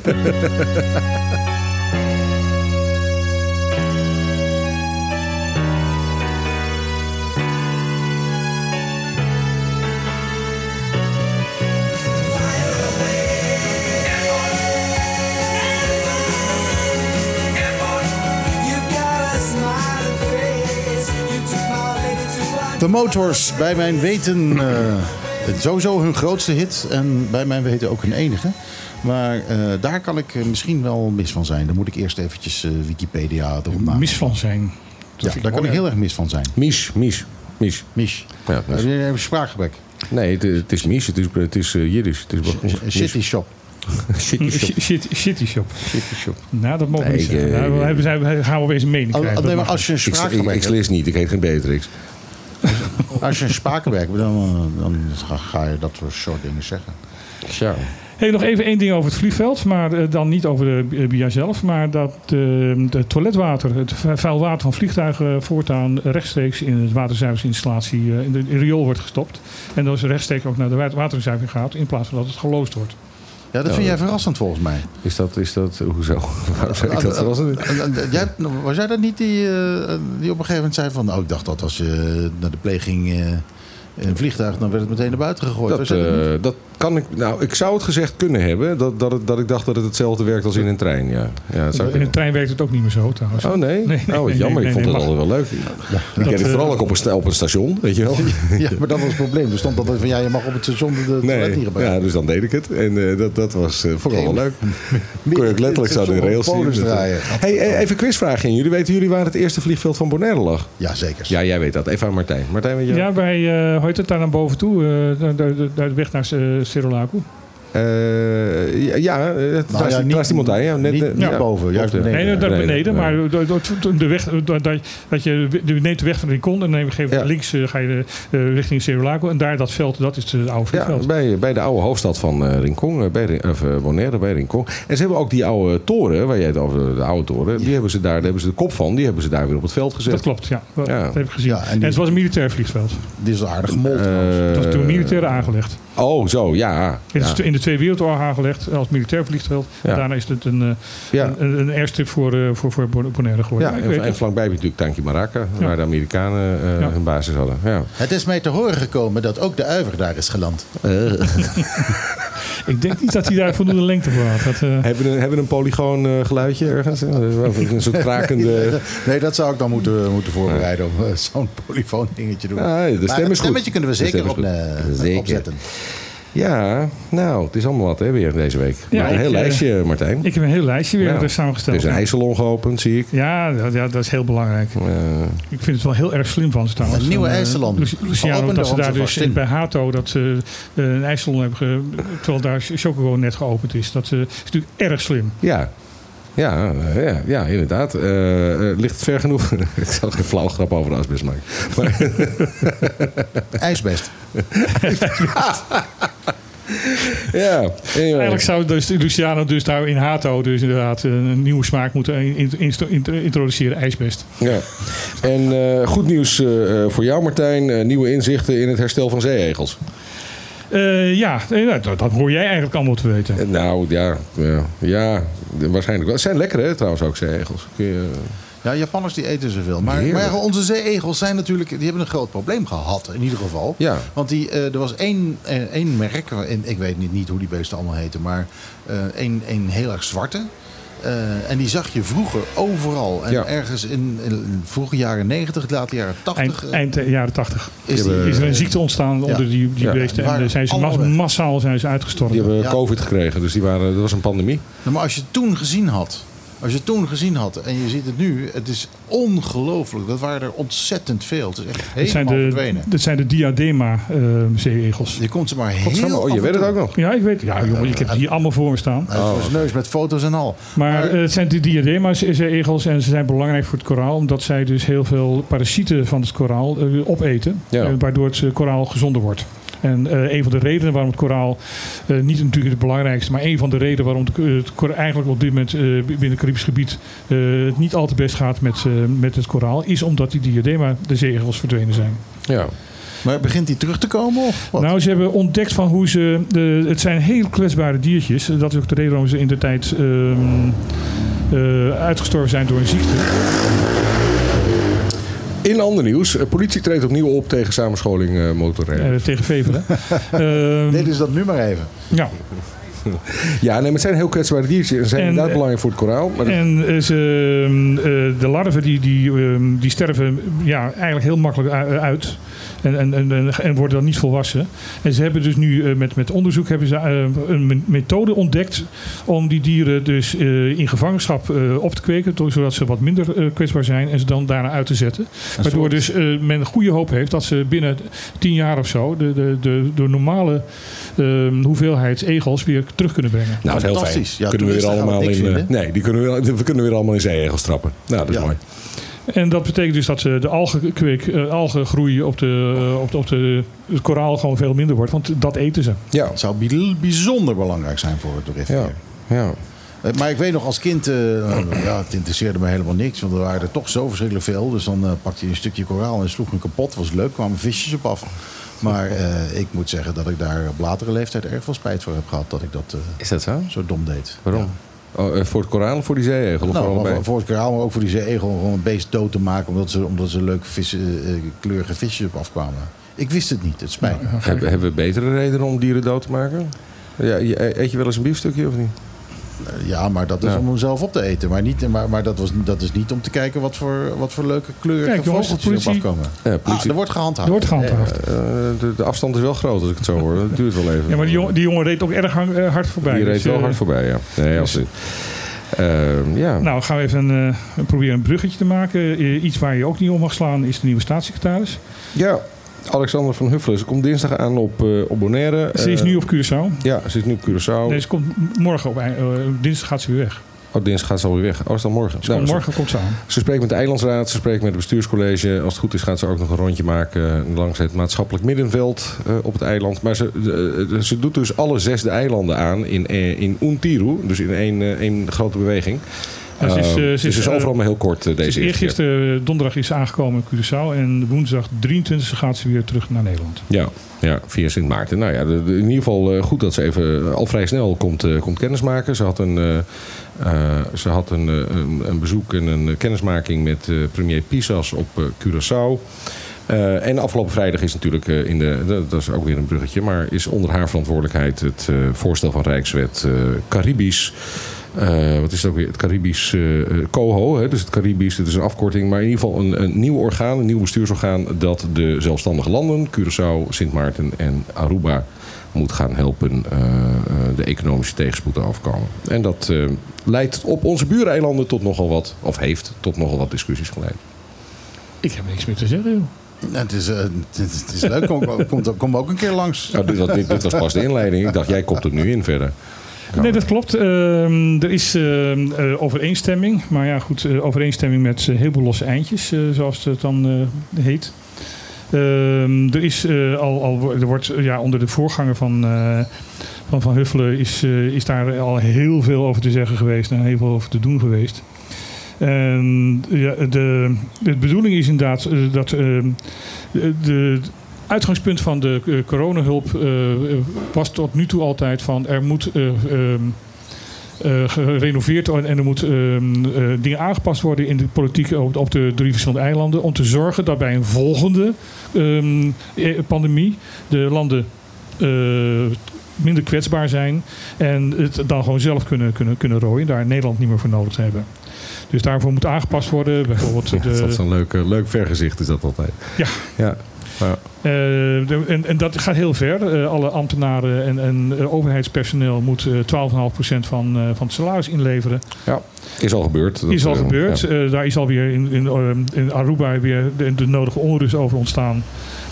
En men wil daar opeens die korting halveren. Nee, sorry. Ze wilde het, het is 25% en ze wilde het eh, in, in Aruba naar 12,5% eh, eh, terugbrengen. Nou, dat was in Curaçao in elk geval 12,5. Alleen wat er gebeurde was... ehm, ehm, ik- gaf tot voor kort... moest ik dat zelf uitvoeren bij een, een semi-overheidsorganisatie op Curaçao. Ik geloof dat ik een van de weinigen was... die de 12,5% ook echt daadwerkelijk in geld op de arbeidsvoorwaarden gekort heeft. De meeste organisaties hebben het op andere manieren gedaan. Dus die hebben vakantiedagen ingezet. Die hebben overwerk eh, ingezet. Dat is natuurlijk ook allemaal op geld waardeerbaar. Maar het is geen eh, geld in je handje, zou ik maar zeggen. Dat is, eh, dat is schuiven op de begroting met personeelslasten. Zonder dat het tot een daadwerkelijke reductie van uitgaven leidt. En dat is een beetje hoe het eh, in ieder geval op Curaçao tot nu toe gebeurt. Ja, en er is heel veel, eh, er is heel veel toezicht moet er ook gehouden worden. En dat is, gaat eigenlijk ten koste van de onafhankelijkheid van de verschillende landen. En daar is heel veel problemen en daar zit heel veel pijn. Ja, dat, is, dat is wel een discussie. Jullie weten, ik sta normaal gesproken altijd wel aan de kant van de eilanden in dat soort eh, akkefietjes met Den Haag. Maar in dit geval, kijk, ja, het, is een, het is een Nederlands orgaan, dus een Europees-Nederlands orgaan dat met Europees-Nederlands geld eh investering gaat doen in drie autonome landen, Aruba, Aruba Curaçao en Sint Maarten, waar in beginsel Europees-Nederland niet toe verplicht is. Dus het is geen koninkrijkstaak, het is niet een koninkrijksverantwoordelijkheid. Europees-Nederland, dus één van de vier landen binnen het koninkrijk, gaat de andere drie landen te hulp schieten financieel. Ja, dat, dat, dat vond ik nou nog wel een begrijpelijk iets in het standpunt van de voorgaande staatssecretaris. Dat die zei van ja, maar dan wil ik ook wel zelf Daar, gaan over een aantal dingetjes. Ja. Ehm, aan de andere kant is, is, is, dat, is de omvang van dat initiatief zo massief dat het ook niet zo gek is dat eh, staten en regeringen, of de, de staten en de kabinetten aan de kant van de andere autonome eh, landen hebben gezegd: ja, maar dit, dit gaat niet over een miljoentje dat je ons even te hulp schiet. Dit gaat over een complete sanering van, eh, van ons apparaat en van onze economie. Daar willen we ook wel wat democratisch toezicht op kunnen houden aan onze kant. Dat is, dat is natuurlijk ook weer niet gek. Maar er is nu een compromis inderdaad. Ja, dit is nu een compromis. Het heet trouwens Caribisch Orgaan voor Hervormings en Ontwikkeling. Dat was hem.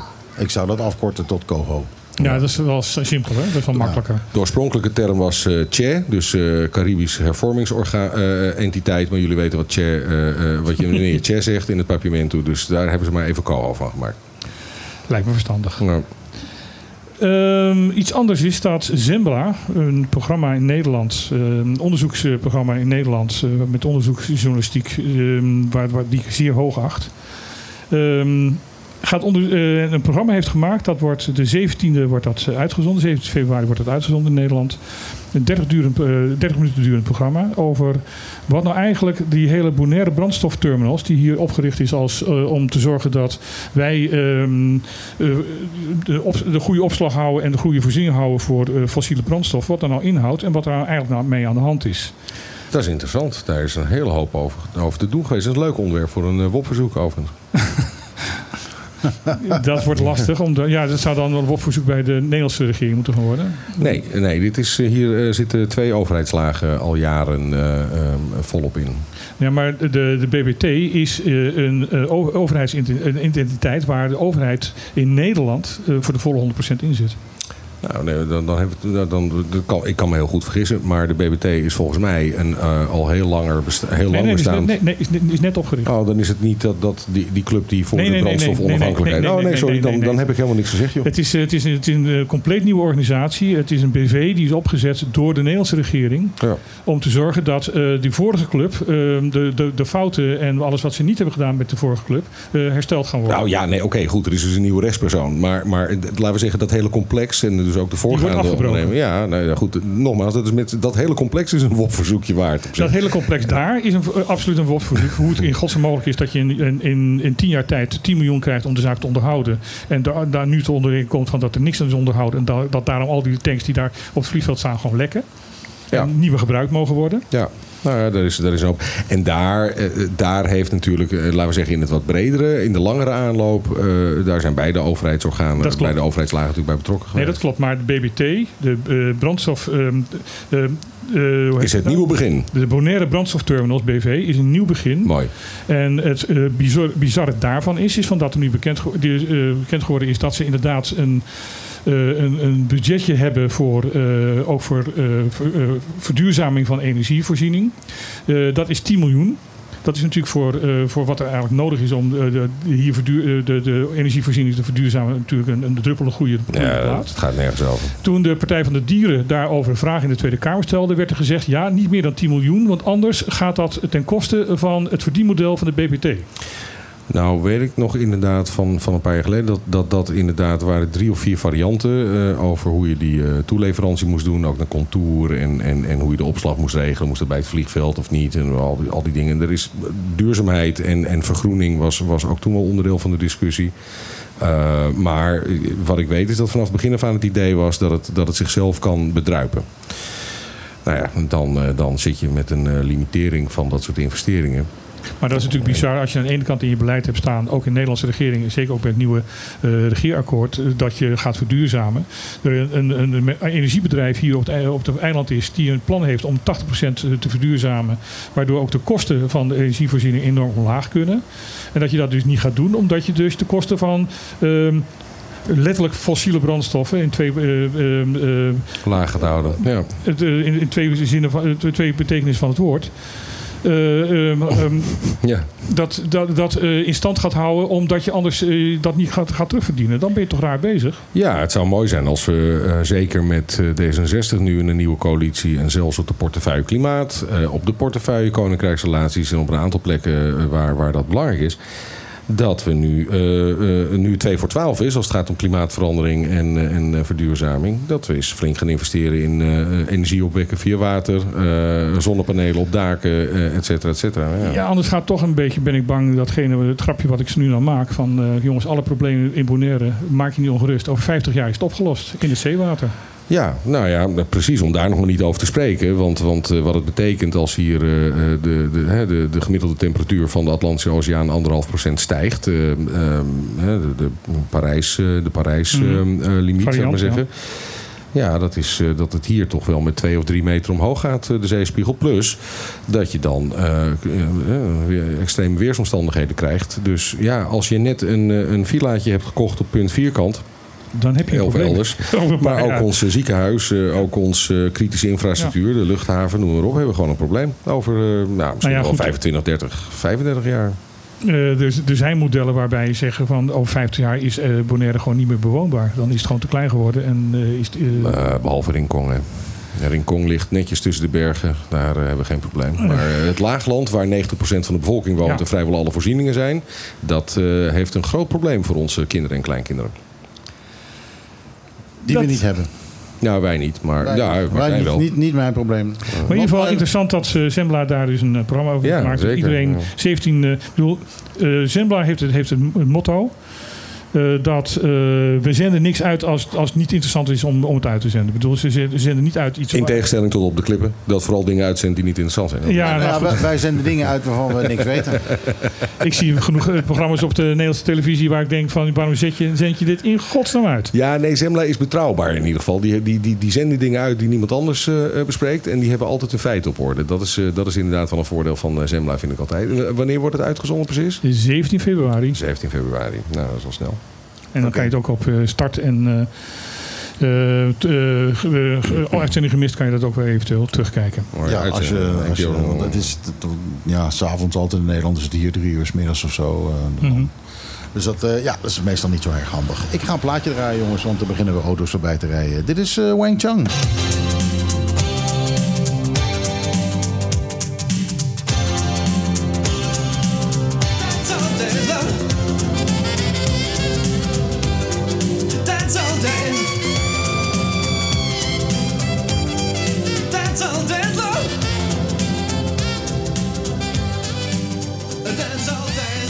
Band Wang Chung Dance Hall Days. En eh, dit jaar, 2022, eh, worden al hun oude albums geremasterd en met extra tracks uitgebracht.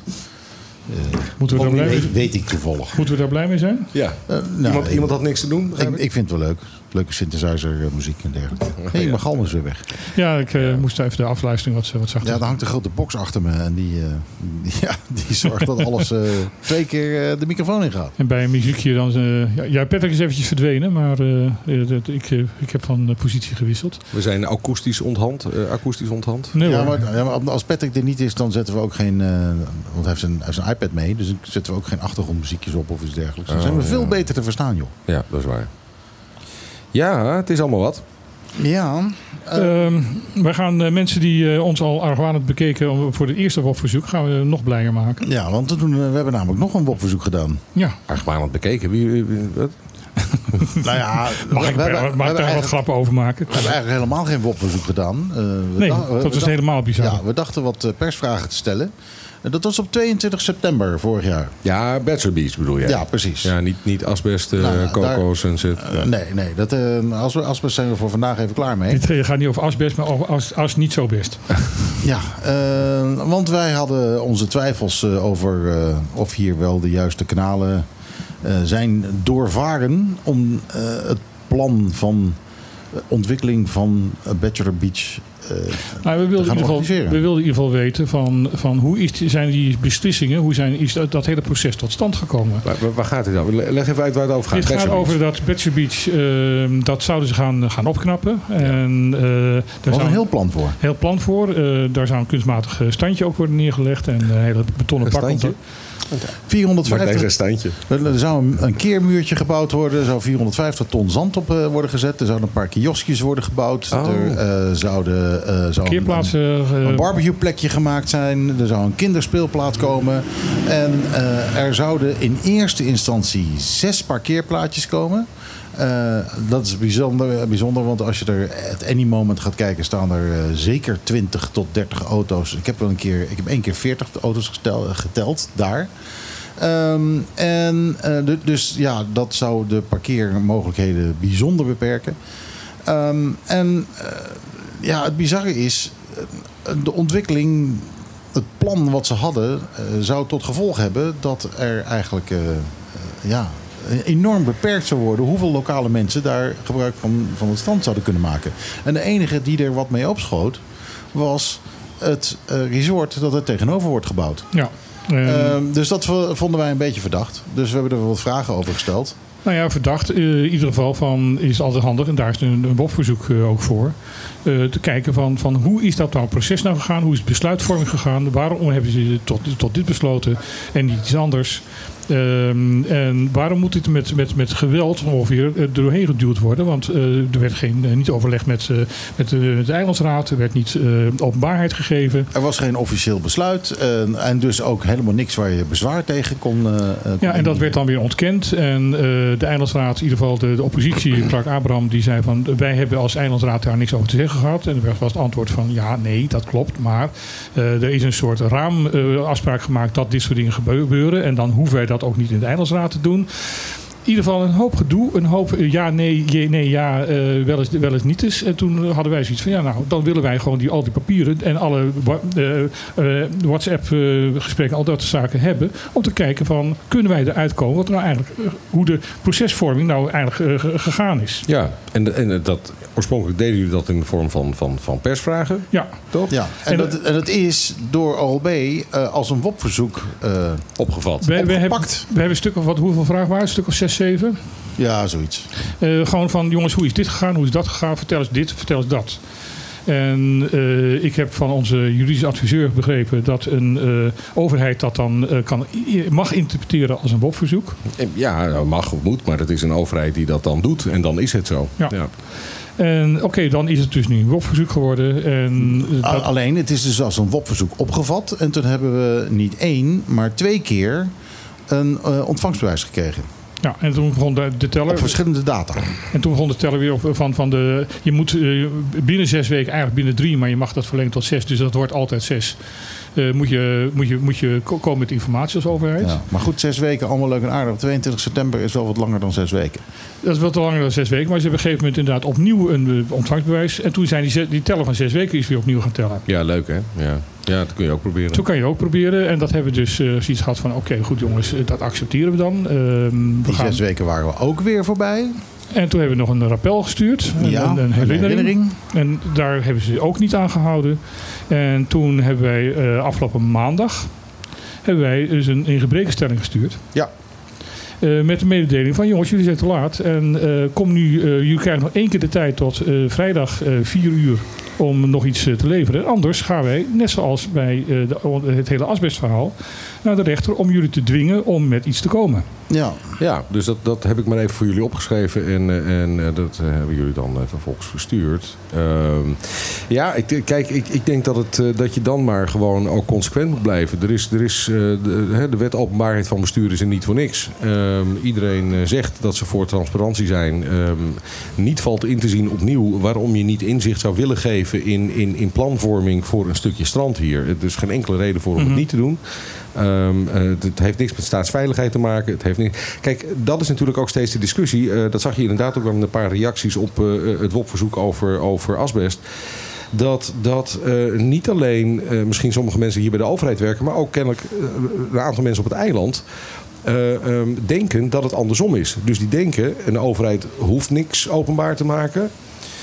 tenzij gedwongen door heel bijzondere omstandigheden. Nee, het is precies andersom. De wet zegt, in Alles principe is alles openbaar. Ja. Eh, eh, op eerste aanvraag. En eh, er zijn een paar uitzonderingsgronden. Maar dat is, dat is hoe, En die zijn is zeer gelimiteerd. En die zijn, nou ja, goed, dat kun je ook nog weer. Maar die, die hebben een aantal limieten. Dat zijn er niet oneindig veel. En, ehm, maar het gaat mij meer om die mindset die erachter zit. Van nou ja, wa- waarom, zou, waarom zouden ze dat openbaar moeten maken? Nou, nee. De wet zegt, je moet alles openbaar maken. Als daar, eh, sowieso zou je het zelf moeten doen, hè, eigener beweging. Eh, maar als eh, daar door belanghebbenden of door de pers of door een ander naar wordt gevraagd, dan moet je het gewoon doen.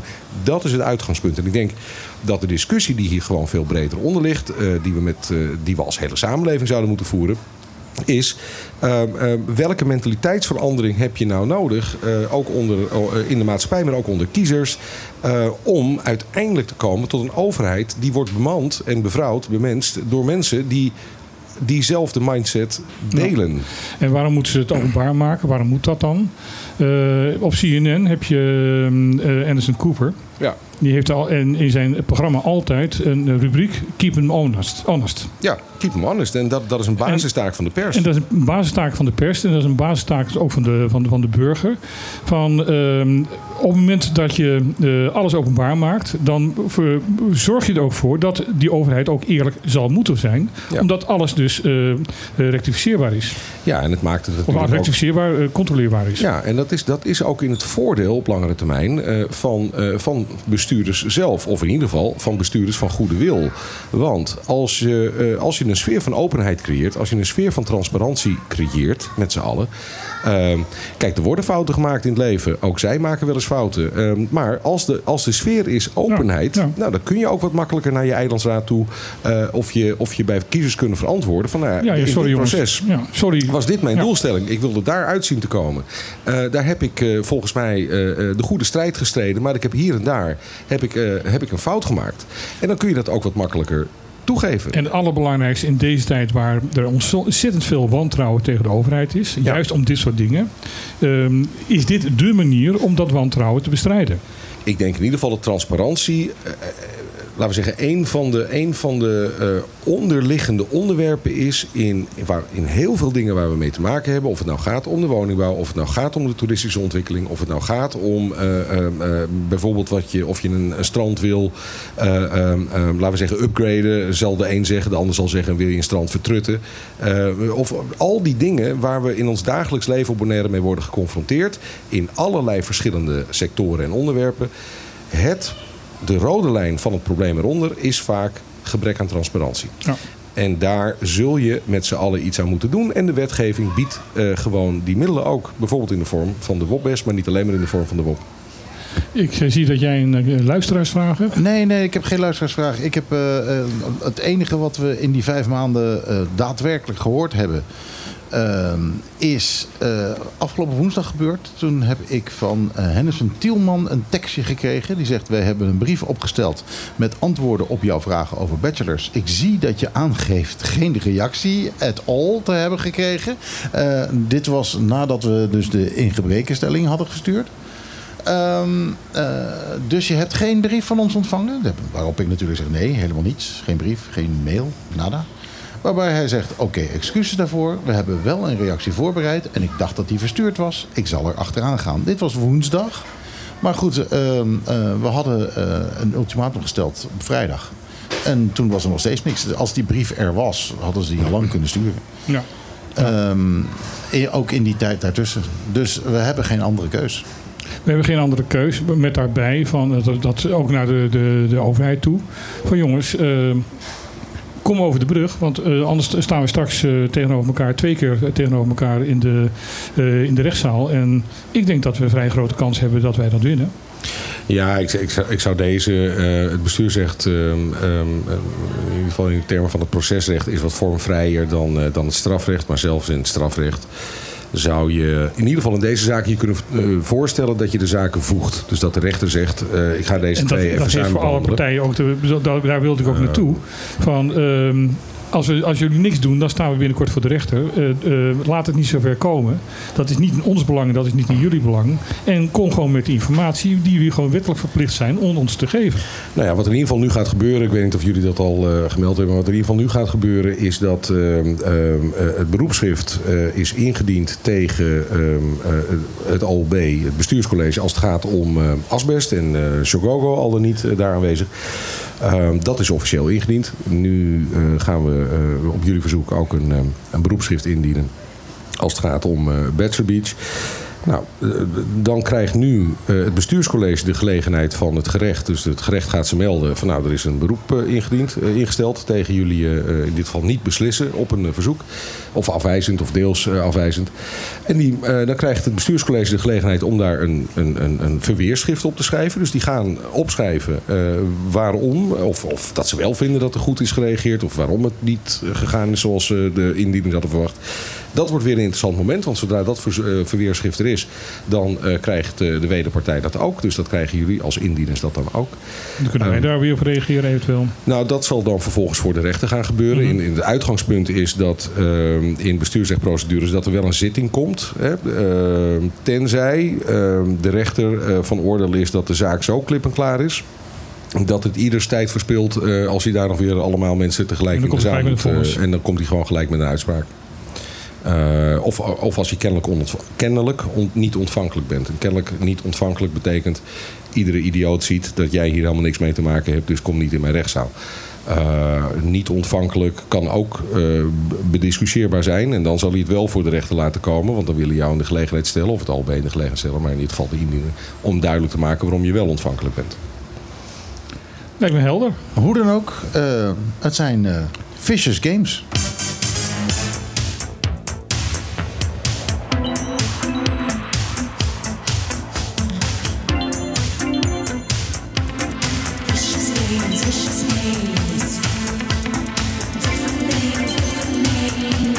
Yellow met Vicious Games. En daarmee zijn we de laatste minuten van het programma eh, ingerold. Martijn, heb je nog eh, nieuws dat wij nog eh, moeten melden? Ik was heel druk in gesprek met, eh, met onze tafel, eh, eh, onze, onze Onze tafeldame. tafel hier. Dat is de tafel daar. Ehm, moet je even kijken. Ja, Celibon eh, heeft een beetje problemen met het ophalen van het vuil op dit moment. Want ze hebben storingen in alle mogelijke auto's. En ze zitten te wachten op nieuwe auto's.